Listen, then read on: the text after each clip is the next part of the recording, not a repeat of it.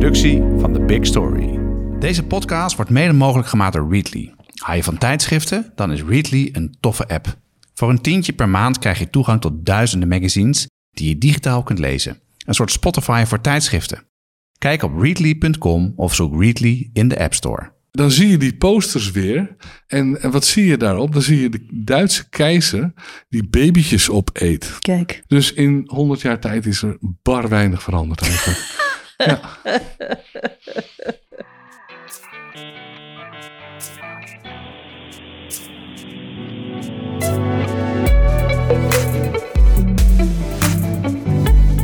Dit is Komt een blad bij de dokter, de podcast van bladerdokter.nl over media-innovatie.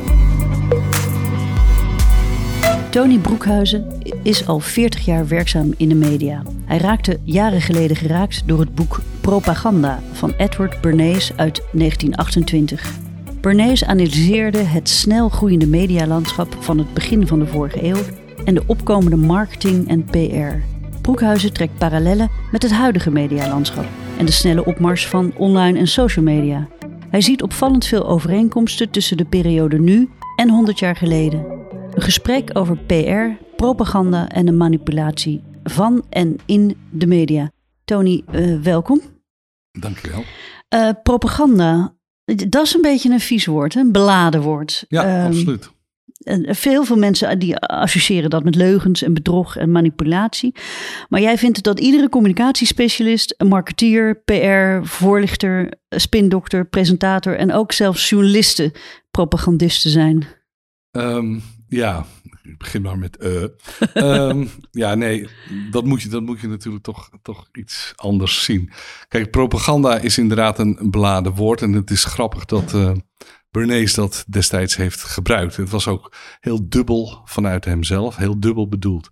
Bernays heeft uh, het woord public relations verzonnen, mm -hmm. juist vanwege het feit dat propaganda zo beladen was.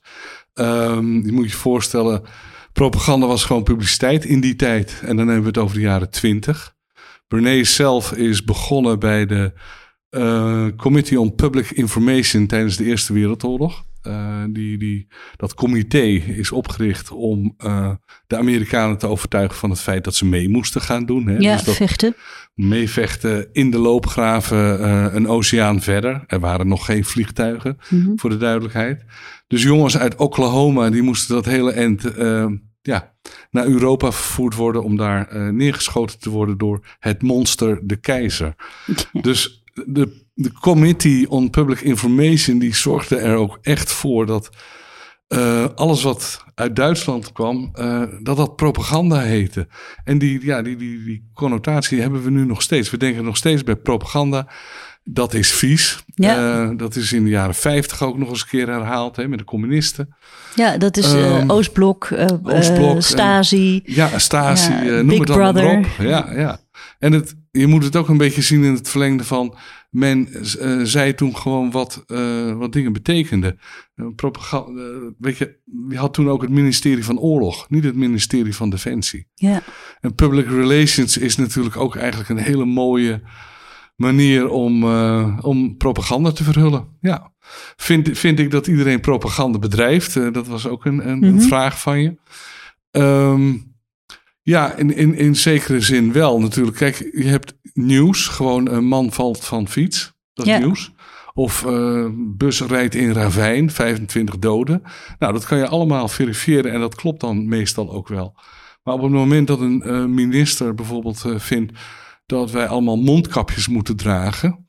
Ja, is, is dat nieuws? Nee, dat is een mening. Um, en een ander die vindt dat weer van niet. En daar gaan we dan op tv met z'n allen over praten en in de kranten. En dus een groot deel van onze nieuwsvoorziening is gewoon, bestaat uit het ja, ventileren van meningen. En het, uh, ja, klopt. Dus, en dat is, ja, uh, toch een soort van propaganda. Ja, in, want... in de goede zin des woords. Hè. Het is dus niet altijd leugen en bedrog. Het is gewoon, ik... Uh, ik denk ook de democratie zoals we die kennen, is daar gewoon bij gebaat.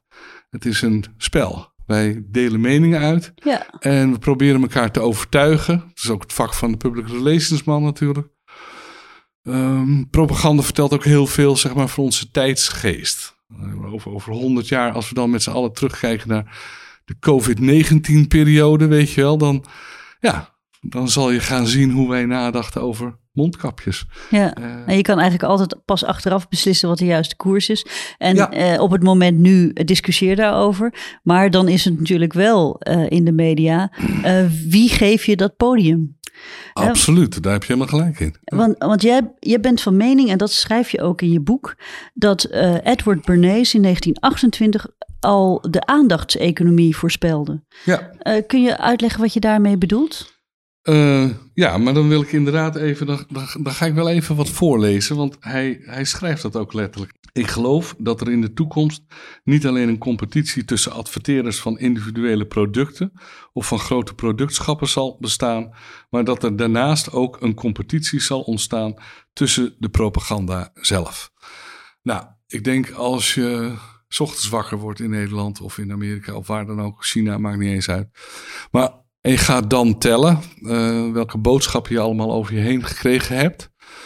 Dan kom je aan het eind van de dag tot echt tot een paar honderd boodschappen. Een cacophonie hè, van, van berichten en berichtgeving en en eh, advertising. ja. advertising, noem het allemaal maar op. Ehm, er zijn pogingen gedaan om dat allemaal eh, inderdaad echt te becijferen. Ja, Eh, tussen, ik heb een- wel eens een onderzoek gelezen tussen de 360 commerciële boodschappen en 6000 op een dag. Ja. Af, afhankelijk waar je woont. Hè. Woon je op het platteland, dan is het minder. Woon je midden in de stad met alle billboards en neon, en dat, dan is het meer. Ja. Nou, en- en, afhankelijk van de, van, van de methode. Hè? Want dat, dat, eh, dat getal 5000 tot met, eh, nou dat gaat echt alle kanten op, maar goed. Dat komt uit de jaren 70 zelfs.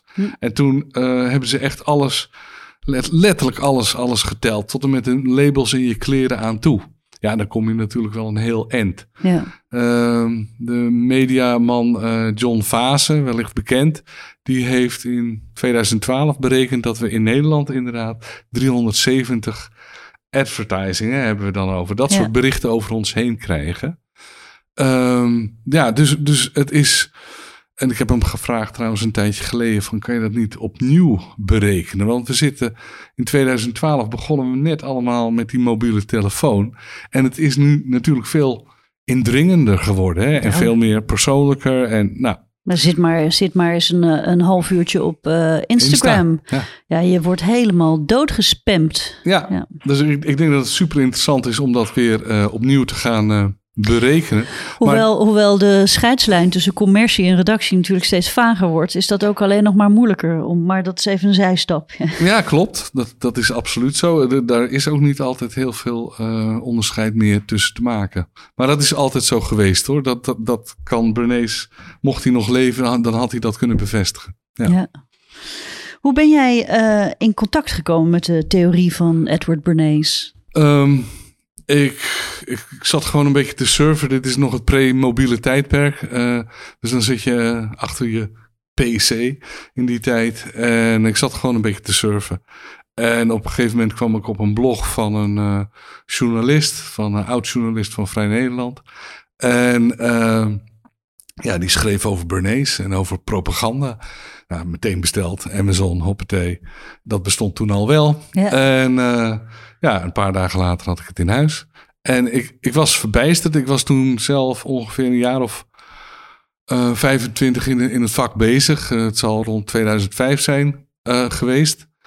Alles wat ik geleerd had van, eh, van de bladen, mannen. Ja, dat stond daar eigenlijk al in beschreven. 1928. Op dat moment 80 jaar geleden. Ja, ik vond dat verbijsterend. Ik heb dat boek ook vanaf dat moment eigenlijk heel vaak cadeau gedaan. Aan mijn redactie, aan, nou, noem het, ja, iedereen eigenlijk. Ja.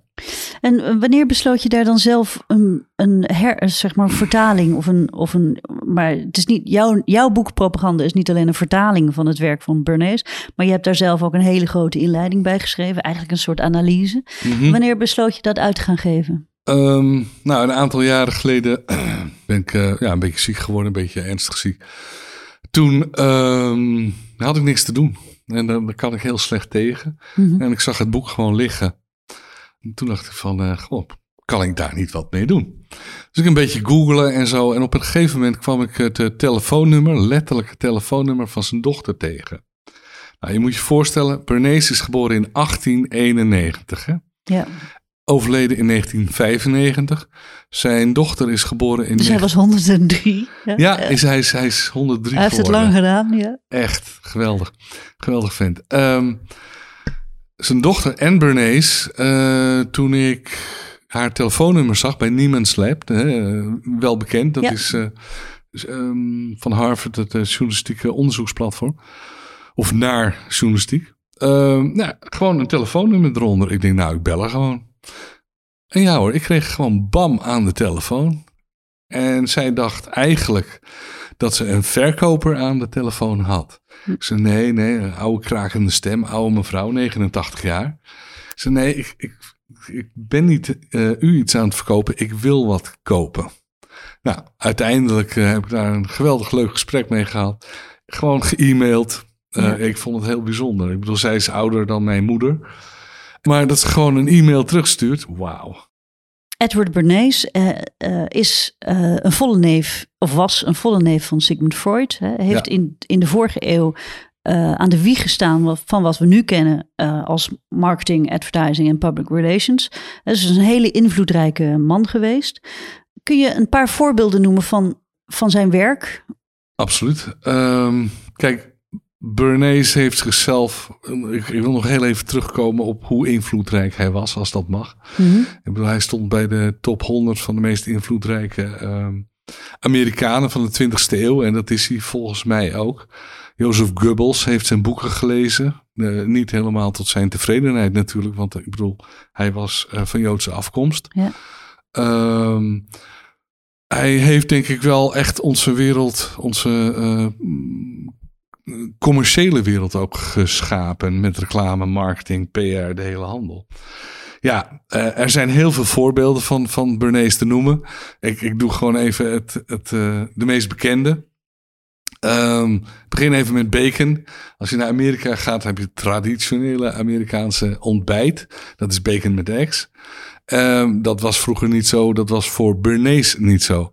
Hij werd gewoon in, uh, ja, door, door een vleesfabriek uh, ingehuurd. Beechams heette die gasten. Um, want de verkoop van bacon liep gewoon niet zo heel lekker. En hij was, ja, hij, hij, hij dacht verder na. Dat had hij natuurlijk van zijn oom. Hè? Mm -hmm. um, hij dacht niet gewoon van: oké, okay, koop meer bacon. Dat was een beetje de traditie in die tijd. Om dat op die manier uh, te, te uh, reclame te maken. Maar hij dacht na van: oké, okay, als je een. Als je meer. Uh, waarom zou je meer bacon eten? Nou ja, misschien omdat je dan gezonder wordt. Oh ja, wauw. Dat is een goed idee. Wie, wie geloof je als het over gezondheid gaat? Ja, je huisarts. Wauw, oké. Dus hij ging letterlijk naar zijn huisarts toe. Althans, dat is het verhaal wat hij ervan gemaakt heeft. Hè. Daar moet je bij hem ook altijd over nadenken. Maar goed. Met een kilo ja, zout ja, ernaast. Die man die heeft zichzelf ook tot, tot uh, nou, grote proporties opgeblazen. Maar goed, hij heeft uh, een enquête uh, uitgevoerd onder 4500 huisartsen in, in de Verenigde Staten. Ze zijn allemaal gevraagd, wat vind je beter, hartig ontbijt of zoet ontbijt? Daar kwam uit een hartig ontbijt. Dus 4500 huisartsen in Amerika bevelen een hartig ontbijt aan. Eggs. Wauw, ja. nou ja, goed. En, en dat is het dus nu ook geworden. Nou zit jij al uh, 40 jaar in het vak, hè? Ja. Uh, wat, nou is er ontzettend veel veranderd. Hè? Kun, jij, kun jij ons meenemen in een kleine vogelvlucht in de grootste, uh, jouw visie op de grootste veranderingen in het medialandschap? Ik ben, ik ben letterlijk nog begonnen uh, achter een uh, blauwe Olivetti typemachine. Met carbonpapier, doorslag. Eentje voor de vormgeving, eentje voor de eindredactie. Uh, en eentje voor de hoofdredacteur. ik weet nog wel dat we nieuw ja, papier kregen van Rob van Vuren. En dan was je aan het tikken. En halverwege stond, stond er dan op, ik werkte in die tijd voor Libella trouwens... Uh, als eindredacteur. En halverwege stond er uh, dan: uh, Vindt de lezeres dit nog wel leuk? Over. Oké. Okay. um, ja, god, is het anders geworden in 40 jaar tijd? Ja, bizar natuurlijk. Ik bedoel, alleen al het feit dat we. Ja, het internet is natuurlijk eigenlijk de grootste verandering geweest. dat hebben we heel lang genegeerd in de uitgeverijwereld. Omdat er Ehm, zo moeilijk geld mee was te verdienen. Hè? Ja, en, en ook en vooral omdat we toen op dat moment nog zoveel geld zelf verdienden. Het klotste echt tegen de plinten. Ja, met print. Ja. Ja, je moet je voorstellen, ehm, als hele jonge eh, eh, reporter werd ik eh, business class naar München gestuurd per KLM. En dan zat ik drie, vier dagen in een vijf sterren hotel voor een interview van een uur. Ja. Echt waar.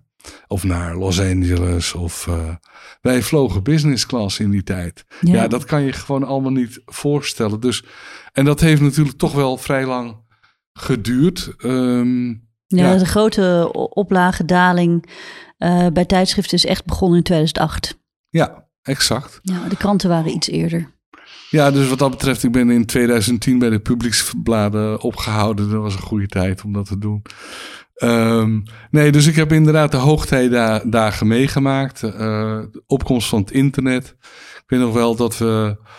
Ja, we kregen les eh, van Marleen Sticker van de Digitale Stad. In wat is het internet en wat gaan we daarmee doen? En dan zaten we braaf met alle hoofdredacteuren van eh, VNU zaten we in de waag.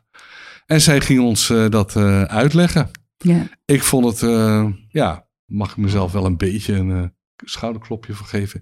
Ik vond dat geweldig. Ik was toen hoofdredacteur van Doe Het Zelf. Heb ik ook nog een eh, paar jaar gedaan. En ja, in 2010 kwam ik toen bij eh Autoweek terecht. En daar zat, een, eh, daar zat een man in de kast. Dat is geen grap. Er zat een man in de kast. Die man heette Jan.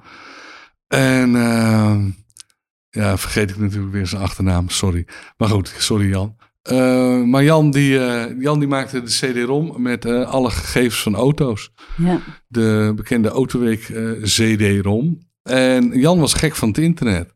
Dus die had al een soort ja, basic platformpje gemaakt, website. Daar mocht geen nieuws op staan van de redactie.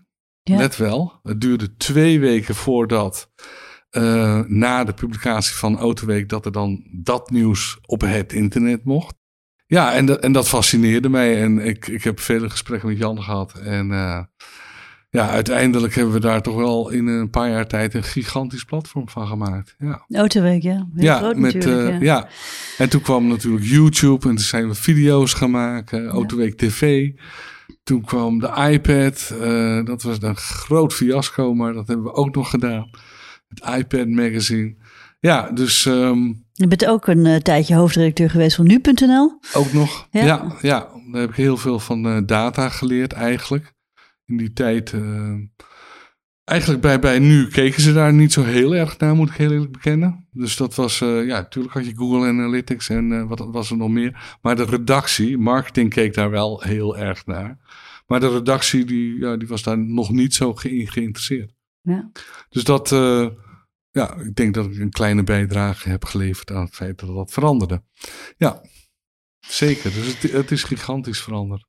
Nou, wat ik eh, eh, een hele grote verandering zie, is dat het was eh, tot een paar jaar geleden heel normaal dat het de uitgever was die bepaalde hoe mensen moesten lezen. Hè. Dus dit, soort, dit stuk content staat alleen in print en dit soort content staat alleen op online. Ja. Ja, en ik vind dat, ja, dat vind ik gewoon niet meer van deze tijd. Hè. Ik Mhm. vind dat je alles moet publiceren en dat het eigenlijk aan de lezer is om te bepalen hoe en waar en op welke manier die eh, toegang tot de content eh, krijgt.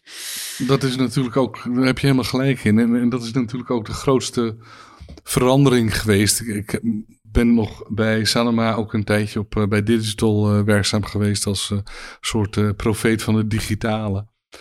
En het feit dat, ja, me, de media, zal ik maar zeggen, iedereen is zijn eigen, hè, dus, dus ook ons publiek is aan het zenden. Ja. Eh, via YouTube, via Facebook, via, en haakt overal aan. Ja, dat, dat is natuurlijk de grootste verandering die er geweest is. Ja, En, da- en daar hebben we ongelooflijk veel last van. Eh, ik denk dat de beste vergelijking altijd toch ook met de muziekindustrie is geweest. Ik bedoel, die hebben ook echt hoogtijdagen gehad. Hè? Met, de, met de LP's en met de CD's. Ja, en toen de digitalisering kwam, ja, zijn ze weggevaagd. Ja. En dat zijn ze nooit te boven gekomen. Ja. Ondanks Spotify of wat dan ook. En ik denk, als ik een kleine profetie mag doen, dat gebeurt ons ook ja. op dit moment. Ja. Nou ja, dat is natuurlijk ook niet raar. Want als je naar de, de- het aandeel van beschikbare content kijkt, Mhm. zeg maar wereldwijd vanuit een helikopter, ja. dan is het aandeel van professionele mediamakers echt in de minderheid met de hoeveelheid content die nu beschikt, beschikbaar is, afkomstig van eh, personen, Iedereen. individuen, eh, mensen die een, een foto van een kopje cappuccino maken en op inter- int- internet zetten.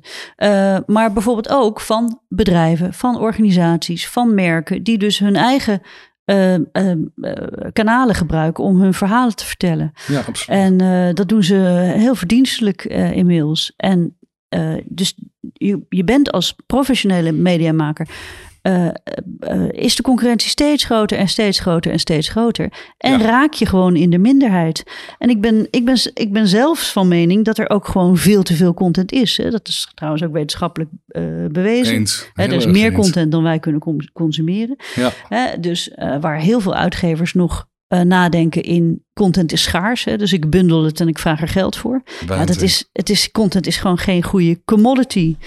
En ik nou, denk, het, het, is een commodity. Het is juist een commodity. Het is overal aanwezig. Iedereen heeft het. Iedereen maakt het. ja, maar het is geen goede commodity omdat het aanbod groter is dan om de vraag. verkopen bedoel je. Ja, en dat, was, en dat was natuurlijk was tot een paar jaar geleden andersom. Dan was de, het aanbod eh, lager dan de vraag en kon je het dus nog verkopen. Wat ik altijd een hele mooie uitspraak vond, is van, van James Gleick. Die heeft het boek The Information geschreven, briljant boek.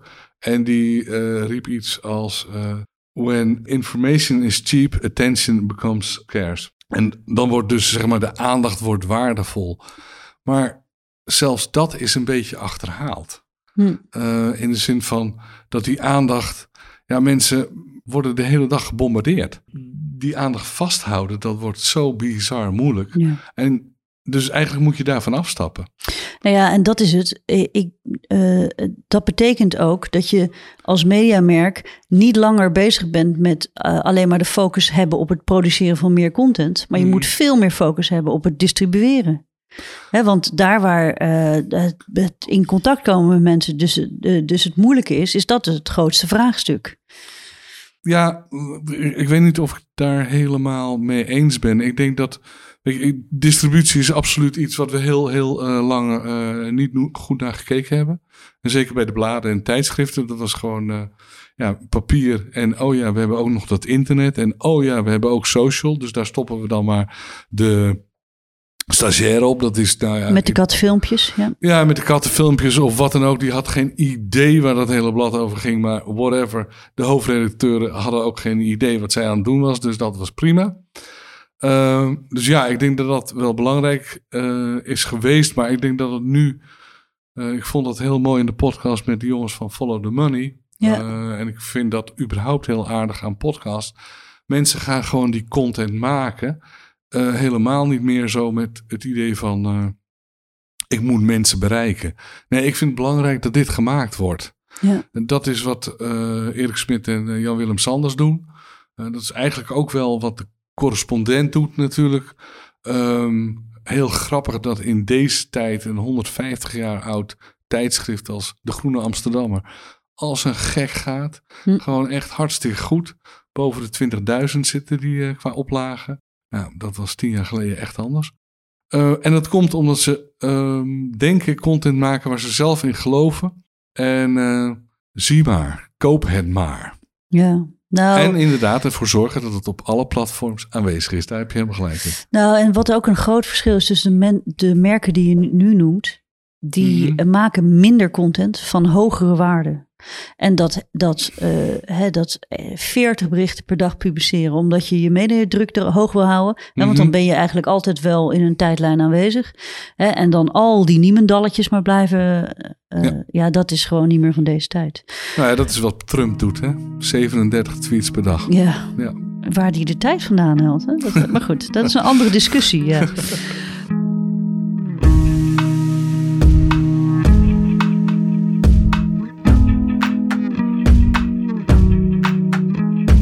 Soms is het natuurlijk gewoon prettig om alle online en social media even uit te zetten. Lekker rustig een stapel tijdschriften lezen. Ik heb een abonnement op Readly, waar ik heerlijk door ruim 4000 magazines kan bladeren op mijn iPad.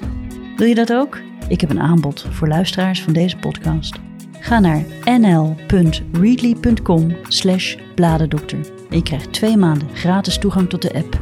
Ik herhaal nl.readly.com slash.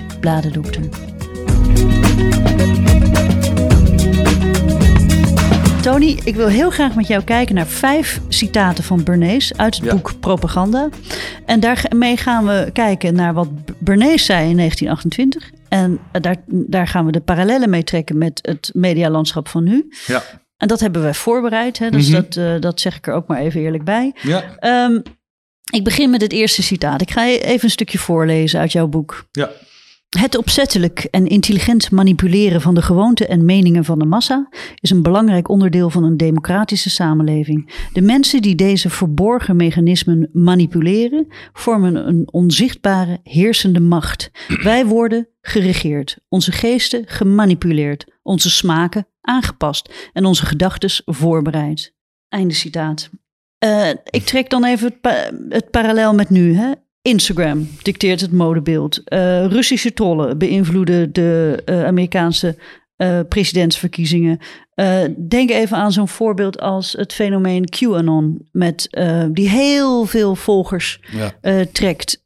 en heel misschien wel gewoon een, een troll is die in eh Maleisië woont. We hebben daar trouwens een hele interessante podcast over geluisterd van de New York Times. eh, Down the Rabbit Hole. Absolute aanrader.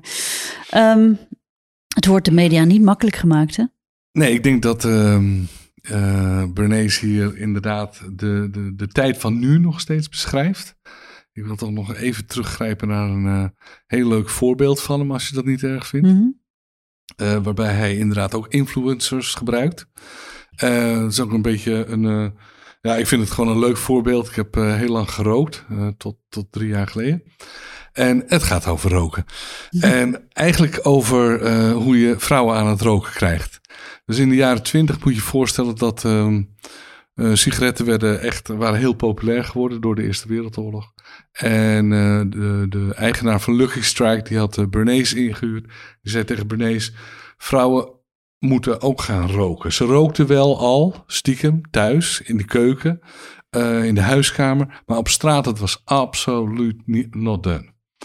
Dus wat verzint deze briljante geest? Je hebt in New York heb je elk jaar de Easter Parade. Ik weet niet of je dat mm -hmm. kent. Uh, dat is gewoon een, ja, een, een parade, een festival, hoe je het ook tegenwoordig zou noemen. Ja, met grote ballonnen van Macy's en, en ticker, tickertape van de... Ja, klopt. Ja. ja. En nou, het is geweldig om te zien. En wat deed hij? Hij huurde toen al mannen met een filmcamera in. Het staat ook ergens op YouTube, kan je het zien. rokende vrouwen in 1929. Uh, hij huurde uh, ja, verschillende journalisten in. En hij had natuurlijk zijn eigen bureau. En hij had, ik geloof, een stuk of vijf vrouwen. Knappe, jonge vrouwen. En die, gingen, die liepen over straat. En die staken een sigaret op. En die, ja, die fotografen allemaal plaatjes schieten natuurlijk. En het verhaal erbij was van... Uh, het werd gelinkt aan het opkomende feminisme. Aan de suffragettes van die tijd. Van ja, ik bepaal zelf wel waar ik rook. Ja. En uh, dat heette ook nog heel, heel, ja, oudbollig eigenlijk, maar Torches of Freedom noemden ze die sigaretten dan, weet je wel. Um, maar dat waren eigenlijk de, de influencers uh, puur zang. Dit waren allemaal dames uit de hoge, ja. uit nou ja, adel heb je in Amerika niet, maar goed, uh, rijke dames die daar gewoon een sigaretje stonden te roken. En zeiden dat ze dat deden omdat ze dat zelf wilden. Ja, ja briljant verzonnen. Heel Amerika, uh, dus alle kranten, er zijn ook bewijzen van, die namen dat gewoon op met foto. Influencers. En daarna ging ook, hè, dus het, het, het gebruik van sigaretten onder vrouwen.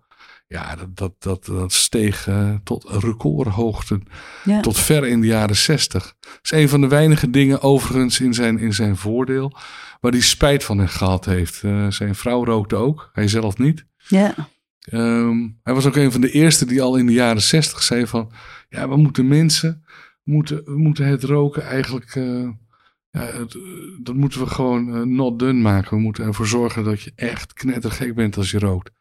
Nou, dat heeft een tijdje geduurd, zoals we weten. Ja. Nu. ja. Als je dan kijkt naar wat er nu allemaal op uh, social media gebeurt, om daar even op terug te komen. ik denk dat Bernays zou smullen van Instagram, van, van Facebook. Dat hij daar echt, echt. Want het is heel makkelijk dan om mensen te gaan beïnvloeden, uh, één op één. En dat zien we nu met. Nou ja, ik, ik kan het nooit goed uitspreken. Qanon, QAnon. QAnon. QAnon heet het, ja. ja. QAnon, ja, ja. Met dat soort zaken, omdat je gewoon mensen in een, echt in een vriendenclubje raakt. Hè? Ik bedoel, het is niet meer het is niet meer een politieke partij die het zegt. Het is niet een bekendheid die het zegt. Nee, jouw buurman zegt tegen jou, waar je altijd eh, bier mee zit te drinken. Weliswaar via Facebook. Maar goed, hè, je kent hem. Je kent uh, de jongens van de voetbalclub. En die vertellen jou bepaalde.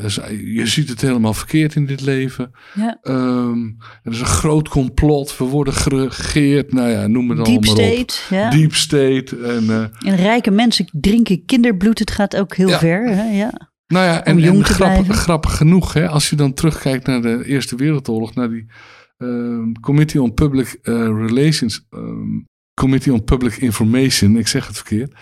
Eh, dan zie je die posters weer. En, en wat zie je daarop? Dan zie je de Duitse keizer die babytjes opeet. Kijk. It's a monster. He eats babies. Het staat er echt op. Ja. 19, 16, 17.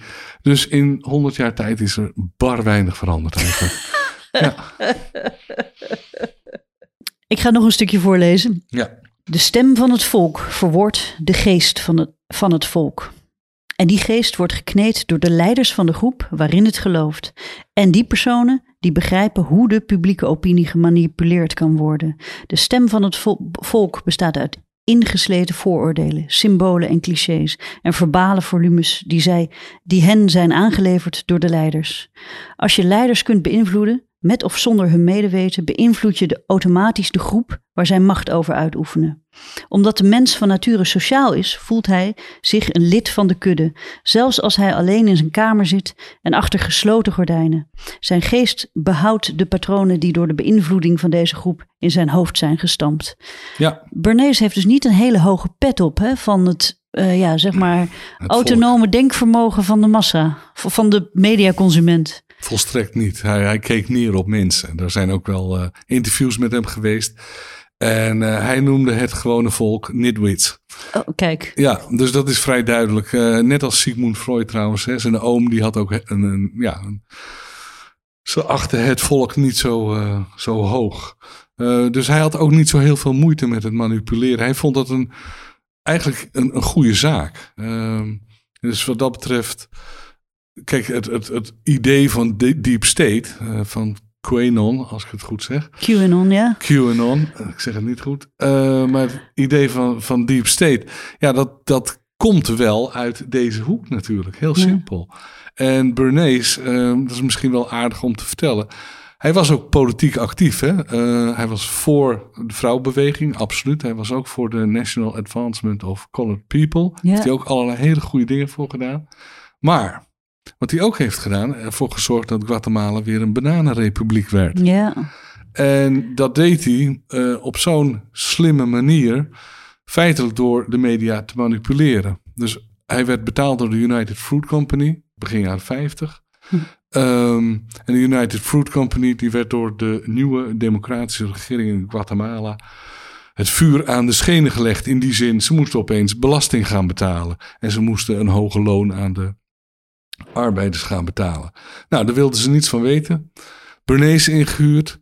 En aanvankelijk waren ze helemaal niet zo blij met zijn ideeën. Toen dachten ze van nou, weet je wel, om, om eh, de regering hier als een communist af te sch- eh, schilderen, ja, is wel een- gaat wel een beetje ver.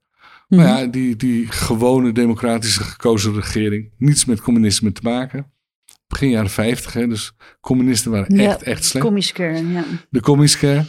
Ehm dat, dat, dat zagen ze aanvankelijk niet zitten, maar Bernays was ook ongelooflijk eigenwijs. Dus hij nodigde gewoon allerlei journalisten uit Amerika uit, die op kosten van de United eh, Fruit Company met eh, de oppositie gingen praten. En die maakten van de regering natuurlijk eh, communisten. Dat heeft hij twee jaar lang volgehouden. En na twee jaar, en hier komt het, na twee jaar was ook president Eisenhower ervan overtuigd dat de communisten in de achtertuin van eh, Amerika aanwezig waren. En toen heeft hij opdracht gegeven aan de CIA aan John Foster Dulles om eh, daar een coup te plegen. En dat is ook gebeurd. Hm. En daarna hebben ze 40 jaar onder vreselijke omstandigheden, rechtse regimes, et cetera, eh, bananen kunnen plukken. Ja, Ja. lekker voordelig en goedkoop. Lekker voordelig en goedkoop. Nou. Eh, nog, een, eh, nog een quote van eh, Edward Bernays. De media waarmee speciale pleiters, dat zijn dus propagandisten, hun propaganda's verspreiden, maken gebruik van alle middelen waarmee mensen dagelijks hun ideeën aan elkaar overdragen. Elke manier van communicatie kan een manier van communicatie zijn voor het verspreiden van opzettelijke propaganda omdat propaganda simpelweg het tot stand brengen van wederzijds begrip is tussen een individu en een groep. Ehm, als je nou deze quote bekijkt, hè, dan zou je dus inderdaad kunnen zeggen dat eh, journalistiek, hè, waarin niet alleen eh, het verkondigen van feiten, maar ook het verkondigen van meningen, eh, dus een propaganda-instrument is. En zeker ook als je als journalist dus heel erg goed na moet denken wie je een podium geeft. Hè, wie je dus wel aan woord laat en wie niet. Ehm, nou is de journalistiek van uit, oudsher bestaat natuurlijk heel erg uit eh, zorgvuldigheid, eh, hoor en wederhoor, eh, op, onafhankelijkheid, objectiviteit. Maar ik zie dat steeds meer onder druk komen te staan. Hoe denk jij daarover? Ik ook. Ja, nee, ik, ik denk dat je helemaal gelijk hebt. Het, het heeft verschillende oorzaken. in, in, ja, denk ik. Ik denk dat scoringsdrift een, een hele, hele belangrijke is. Dat is door online natuurlijk aangewakkerd, zeker bij het Ja. nieuws. Eh, we, we hebben allemaal op een gegeven moment inderdaad al die analytics leren lezen. En gezien van, ehm, oké, dit bericht scoort goed. Eh, dit scoort hier goed, dit scoort daar goed. Ehm, we staan onder druk.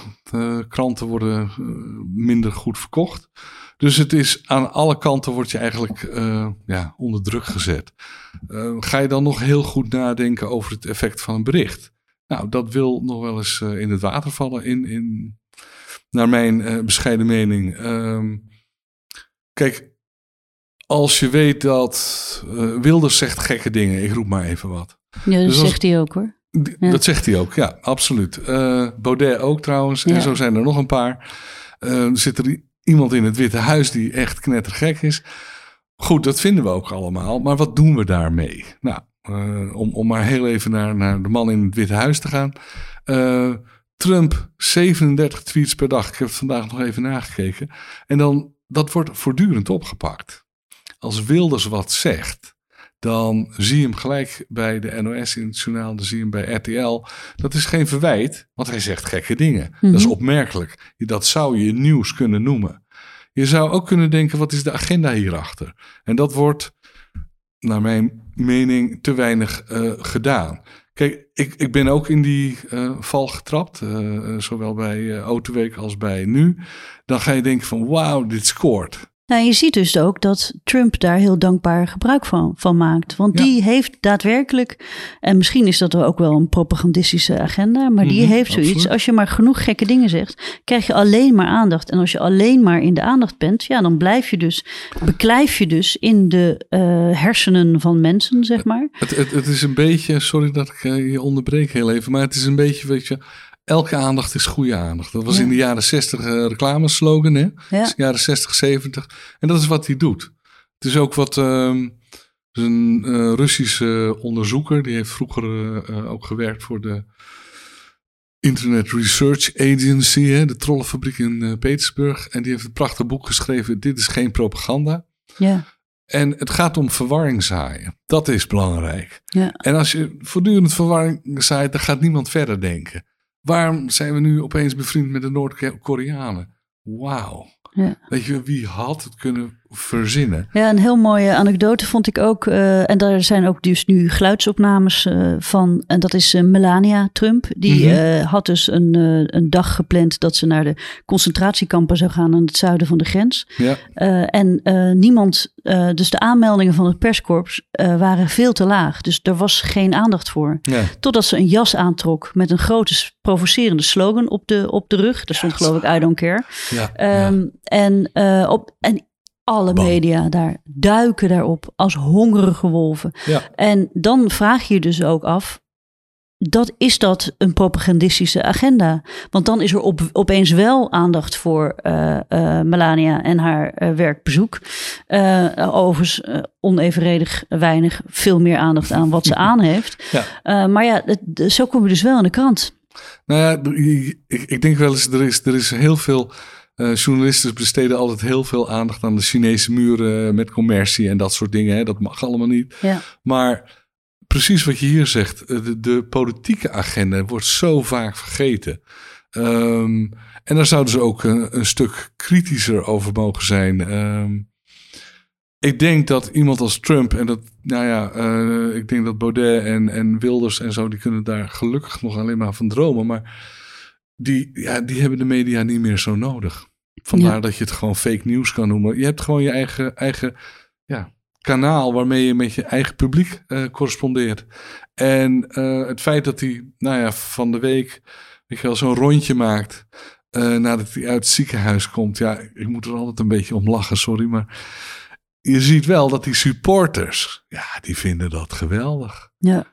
Um, dus je maakt jezelf overbodig op een bepaalde manier. En dan kom ik even terug op, uh, nou ja, mensen als uh, Follow the Money, uh, de Groene Amsterdammer. Die maken gewoon hun eigen verhaal dat is denk ik wat we moeten gaan doen. Ons eigen verhaal maken. En ja, ehm, natuurlijk probeer je dat natuurlijk wel te verkopen. Hè? Ik bedoel, we kunnen niet mhm. van de wind leven.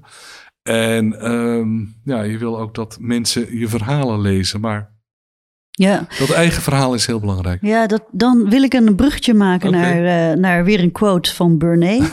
want Burney zegt in zijn boek, of in jouw boek moet ik dan zeggen, want daar staat, heb ik het in gelezen. Ja. Propaganda is de uitvoerende macht van de onzichtbare regering.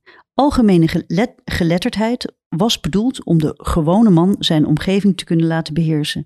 Als hij eenmaal kon lezen en schrijven, dan zou hij geestelijk in staat moeten zijn om zichzelf staande te kunnen houden. Zo luidde de democratische leer. Maar in plaats van verstand heeft deze geletterdheid hem rubberen stempels gegeven. Rubberen stempels met advertentieleuzen, met hoofdartikelen in de krant, met wetenschappelijke data, met triviale trivialiteiten van de sensatiepers en de gemeenplaatsen uit de geschiedenis, ontdaan van elke originele gedachte.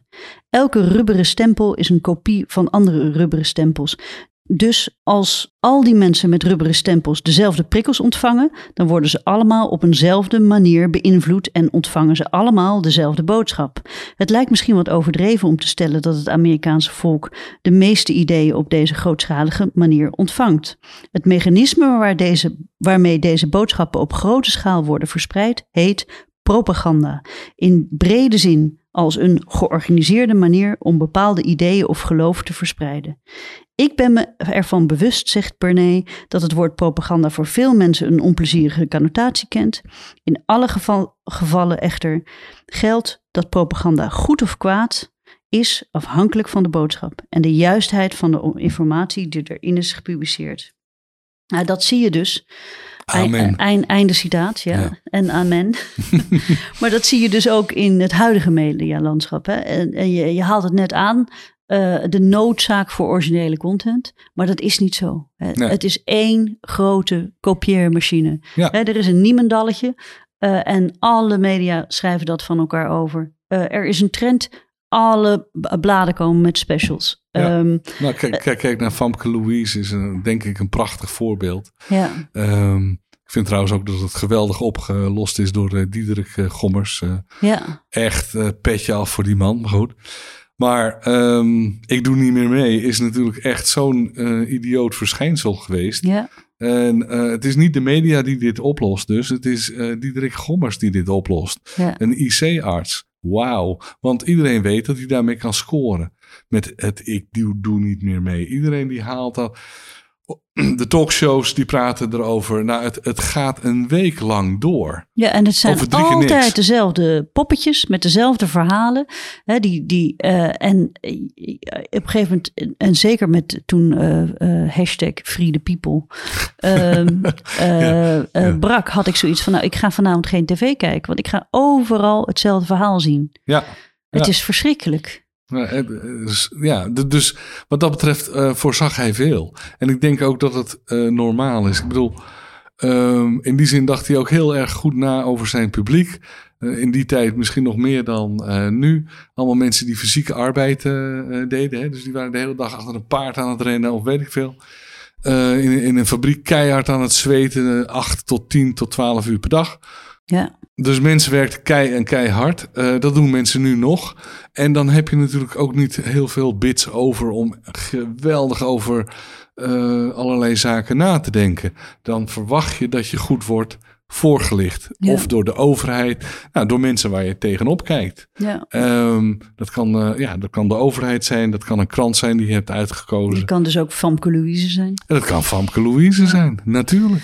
Nou, ik las ook een onderzoek dat mensen, als het op eh, informatie eh, verwerken komt, je hebt eh, zeg maar feitelijke informatie die juist is en je hebt feitelijk, fe- zeg maar onjuiste Ja, informatie. Hè? Dat zijn dan inderdaad de complotten en de hoaxes. En dat je die dus makkelijker onthoudt dan de feitelijke gegevens.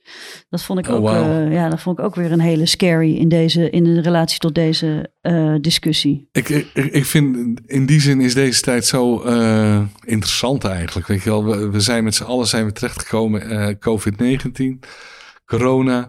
Ehm, en dat geldt, dat geldt ook voor mij trouwens. Ehm, nou, dat begon ergens in maart. En we zien geen einde. We zien volstrekt geen einde. Nee. Er is geen hoop. We kunnen niet aftellen. We kunnen niet. Weet je, het is.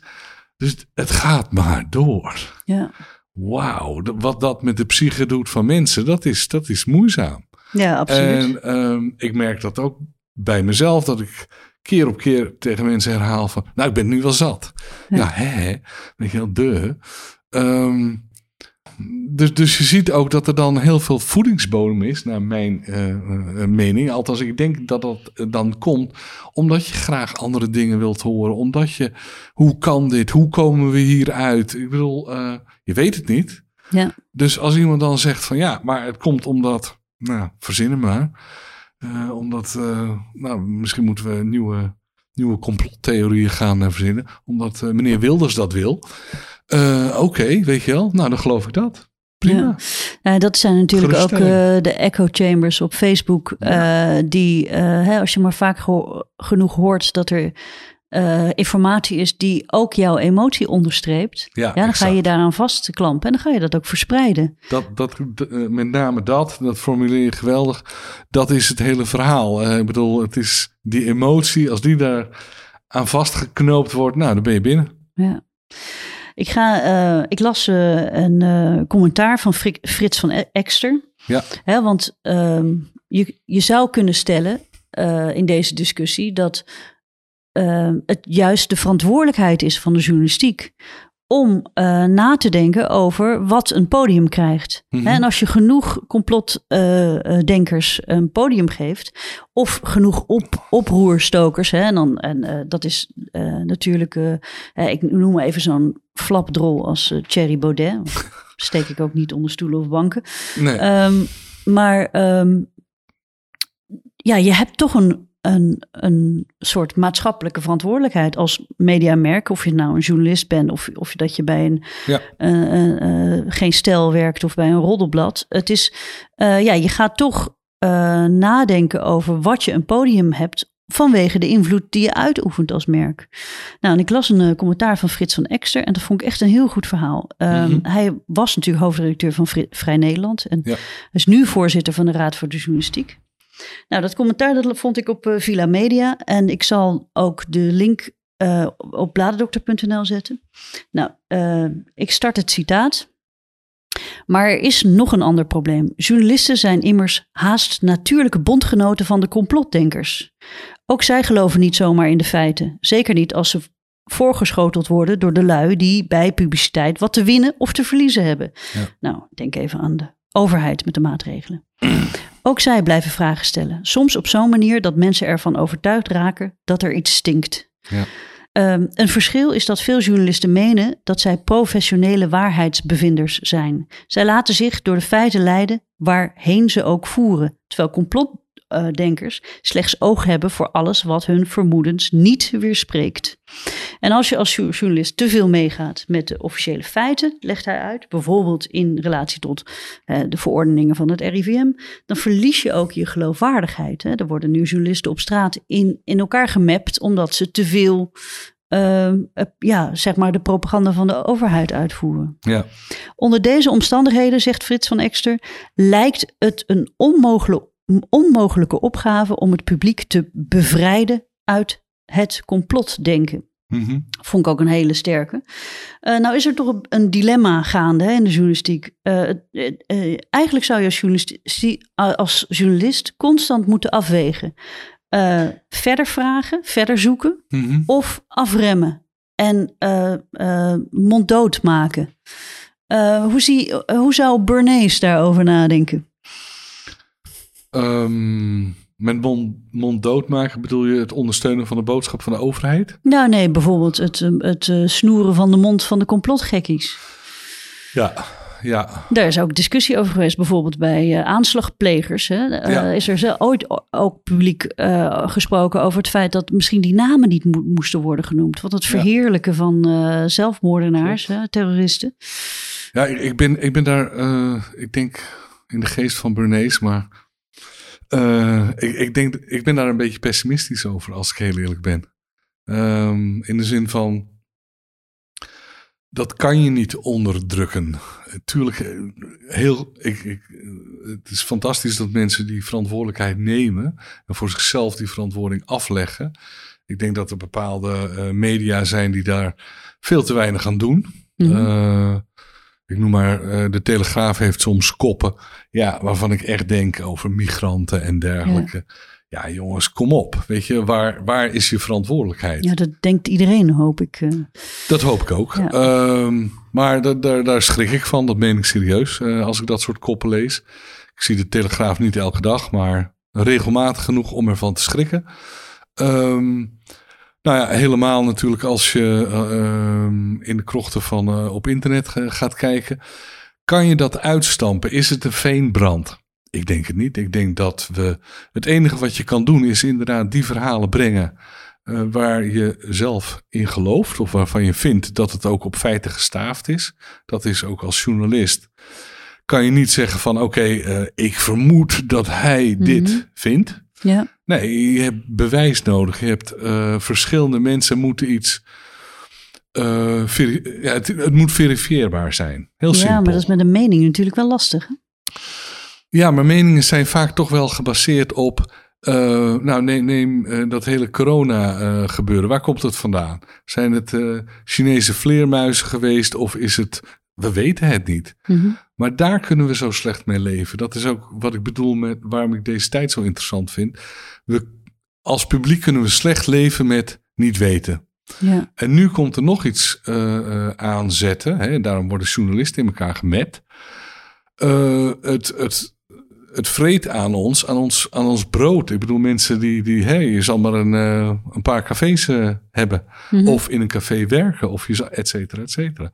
Dus het, het, het vreet letterlijk aan, aan het eten van mensen. Ja, dan word je wel boos. En dan ga je schuldigen zoeken. Dat is wat we altijd doen. Dat weten we ook uit de geschiedenis. Um, kunnen we dat tegengaan? Ja, zo goed mogelijk door feiten uh, weer te geven. Um, maar met social media, hè, met al die mensen, met, met um, nou, ik zal haar niet meer noemen, maar uh, hoe heette die andere, die, die, dat fotomodel? Ja, Duitsen Kroes. Ja, die. 4,6 miljoen volgers. Ik bedoel maar, hallo, ik bedoel, daar kan, daar kan de NOS niet eens tegenop. Nee. Ik bedoel, dat is gewoon 4,6 miljoen. En natuurlijk gaat het vaak over uh, mode, ongetwijfeld. En ze, zullen die 4,6 niet alleen maar in Nederland leven, ja, hoop maar, ik. Ja, maar nu, nu uit ze. Uh, zij uitte uh, oprecht haar, ik. haar wantrouwen tegen de overheid. Ja, de, maar ook überhaupt follow the money en connect the dots. Hè? Dus Ja. zij dacht ook dat er een grotere speler Ja. eigenlijk een, weer komen we weer terug op deep state en andere complot uh, dingen. Ja, dus, dus die verantwoordelijkheid ligt inderdaad bij haar. Mhm. Moeten we dan tegen Twitter of Facebook zeggen van jongens, hè, de, de Facebook die heeft nu vandaag, uh, althans was op Newman's Lab, die gaat nu al die berichten van QAnon. Ja, Ja, dankjewel. QAnon ga, gaan ze allemaal weghalen. Nou, super. Maar eh, stel je voor dat ze dat gaan doen met iemand die plastic uit de zee wil halen. Ja. Dat is ook maar een mening. Hè? Ja. Ja. walvissen gaan eraan dood. Weet je dat zeker? Nou, oké, dat weten we dan wel zeker. Maar is het echt zo heel erg? Ja. Ja, eh, Nou ja, ik stel dan- maar een vraag. Hè? Dat is ook zo'n geweldige zin. Ik stel maar een vraag. Ja. Ja, en dan ook nog, eh, dan hebben, in Nederland heeft eh, de journaaie nog een hoog aanzien. Ja. Maar in Amerika, als je een gerenommeerd mediamerk bent en je komt met stellingen en onderzoeken, ja, dan is het fake nieuws. Dan word je, afge, dan word je echt als mediamerk afge, afgeschilderd als, als gek of als complotdenker. Ja, klopt. Ja. Ik, ik denk omdat in Amerika is het natuurlijk al sinds de jaren tachtig. Het begon al met die shockjocks, weet je wel, op radio. Die schreeuwend achter de microfoon zaten. En, Ja. en eh, dat daar politiek en, en meningen eigenlijk. En de journalistiek veel meer verweven zijn. Ze doen van niet, maar Fox, met een F dan, hè, de Ja. F van eh, eh, Frederik. Fox News is natuurlijk ook gewoon een politiek platform. Ja, Klaar. Fox met een V, overigens ook. Ja, Eh, alleen dan Alleen aan de andere dan kant van kant. En spectrum, ja. daar, daar luister ik graag naar. Die met de V. En weet je wat nou zo leuk is, Tony? Wat alle QAnon-aanhangers hebben geroepen. Zie je nou wel? Facebook verbiedt het. Dus dat betekent dat het waar is. Geweldige, geweldige redenatie. Ehm, Tony, we zijn aan, bijna aan het, uit, aan het eind van de uitzending. Dus ik wil een laatste vraag stellen. Eh, snappen mediamakers de werking van propaganda dan goed genoeg? Nou, ja, ik denk het wel. Ik denk, althans, de, mensen die verantwoordelijk zijn. Laten we even naar de hoofdredacteur kijken en de chefs, et cetera. De mensen die de beslissingen maken. Ik, ik denk dat ze dat heel goed weten. Maar ik denk dat er zoveel, eh, ik noem, noem het maar, opportune redenen zijn om toch Wilders maar weer te laten zien. Eh, als een van de weinigen. En niet, eh, niet een saaie backbencher in de Tweede Kamer. Weet je wel, die, die veel te genuanceerd en langdradig loopt te praten. Nou, Hm. Wilders komt gewoon met een quote. Punt. Ja, Trump komt met een quote. Baudet komt met een quote. Eh, het grappige is al, ik weet al bijna niet wie de backbenchers van het CDA zijn. Weet je wel? Ik bedoel, ik kan ze al slecht zomaar naar voren halen. En dat komt door de ja, opportune redenen, kliks. Eh, dan hebben we het over online, weet je wel. Je Mhm. wil toch dat jouw bericht zoveel mogelijk wordt eh, eh, bekeken, wordt geklikt. Ehm, mensen reageren daar goed op, ook heel belangrijk. Dat zie je nu bij Nu Jij. ja, Ge- Gert-Jaap heeft dat even in de band gedaan, maar het is weer terug. ja. Geweldig om naar te kijken. Dan weet je echt wat iedereen denkt. En dan schrik je je ook helemaal gek, maar goed. Dus ik denk met name dat de financiële motieven, want die zitten daar uiteindelijk achter. ja de, de, Eh. de druk waaronder de media verkeren. ja. Exact. Eh, en dat je dan toch denkt van ja, nou oké, dan maar toch maar weer eh, schieten, tieten en een helikopter. om het maar even zo te noemen. Hè? Oké. Tony Broekhuizen, heel erg bedankt voor dit gesprek. Graag gedaan. Dit was Komt een blad bij de dokter, de podcast van bladerdokter.nl. Elke maand hebben we nieuwe gesprekken met bladermakers en hoofdredacteuren over de ontwikkelingen in het vak. Op bladerdokter.nl kun je alle gesprekken terugvinden, of beter, abonneer je via Apple Podcast of Spotify. Bladerdokter publiceert elke maand een nieuwsbrief met interessante artikelen over magazines, vol nieuws, achtergronden en analyses. Je kunt je inschrijven via bladerdokter.nl.